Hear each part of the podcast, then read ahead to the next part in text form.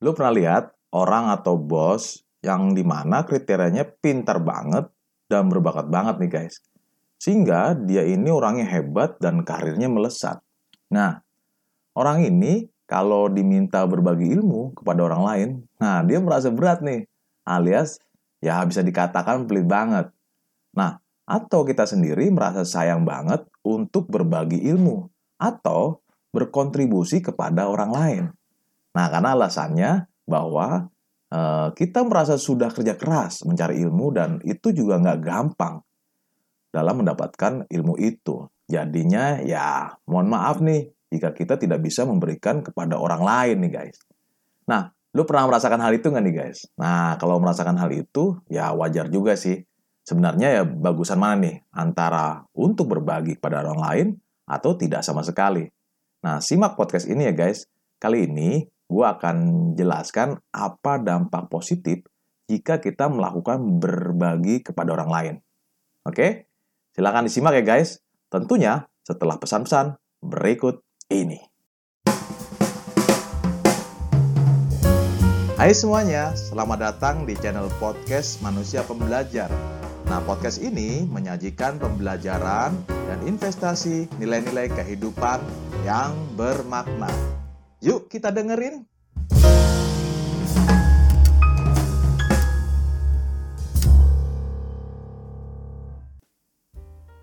Nah, kenapa ada orang lain mau berbagi dan ada juga orang lain yang susah banget untuk berbagi?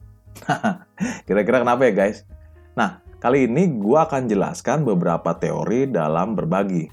Gue akan fokus apa dampak positif jika kita bisa berbagi kepada orang lain. Oke, nah dampak positif untuk yang pertama, khususnya untuk dampak positif yang berbagi guys, yang pertama adalah membuat bahagia.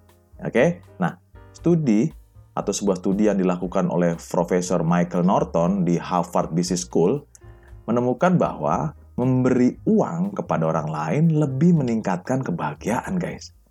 Beberapa orang yang diteliti lebih bahagia ketimbang orang tersebut digunakan untuk uangnya keperluan diri sendiri nih. Nah, ini menarik ya.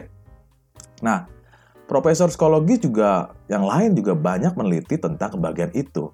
Dan beberapa penelitian juga menemukan hasil yang serupa ketika ia meminta beberapa orang untuk melakukan lima kebaikan dalam satu pekan selama enam pekan berturut-turut.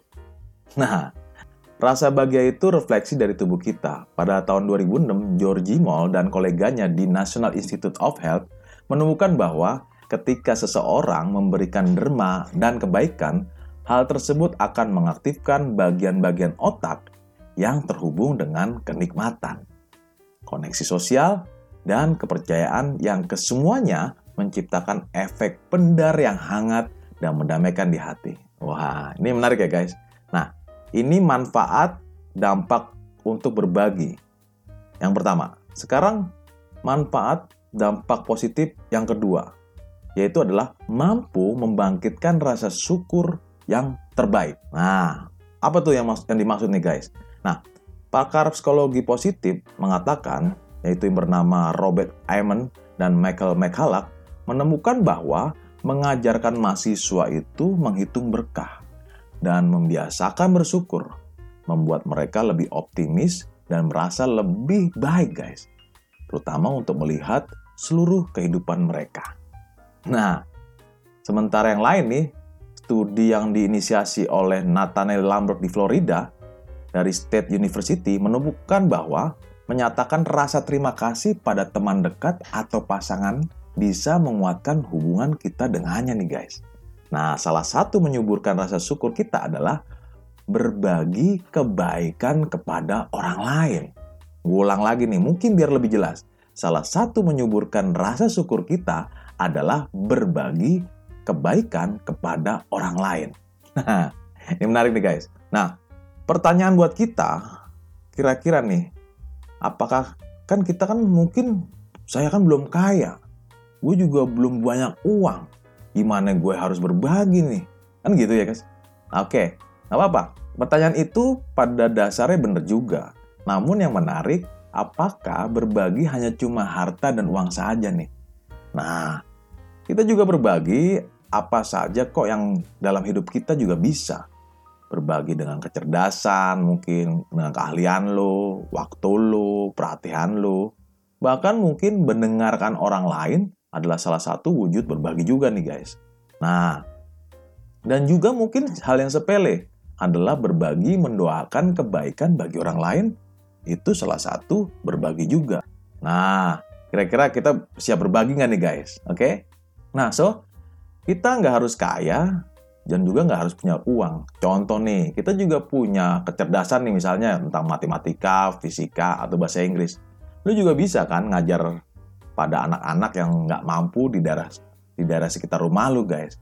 Atau nih, mungkin lu yang punya berbakat IT, yang bisa coding nih. Lu juga bisa buat program aplikasi, bisa game-game kecil-kecilan untuk buat anak-anak untuk menghibur mereka. Itu salah satu berbagi kan guys. Atau Mungkin lo yang sudah kerja, lo bisa sisihkan uang gaji lo untuk membeli beberapa nasi bungkus dan diberikan kepada orang-orang yang nggak mampu di sekitar rumah lo guys. Nah, itu adalah contoh-contoh yang mungkin di mana ya? Ya, apa ya? Boleh dikatakan hal yang kecil, tapi bisa dilakukan dalam kehidupan sehari-hari. Tentunya juga sangat realistis ya. Oke, benar nggak guys? Nah, inti yang dari yang gue omongin tadi nih guys, bahwa berbagi itu bisa apa saja dan bisa apa pun juga. Dan berbagi juga nggak harus nunggu kaya raya, yang penting niatan menghidupkan nilai-nilai kebaikan dalam hidup kita. Itu yang akan membuat berdampak positif dalam hidup kita juga nih. Nah pertanyaannya nih, gimana nih agar gue itu bisa tetap konsisten untuk berbagi kepada orang lain? Kalau masih bingung, silahkan diskusi atau ngobrol-ngobrol dengan tim growing ya guys. Nah, lu juga bisa klik link yang gue berikan di deskripsi ya guys. Nah, itu saja pembelajaran hari ini. Semoga bermanfaat. Salam Growth Mindset Indonesia. Leadership is fun.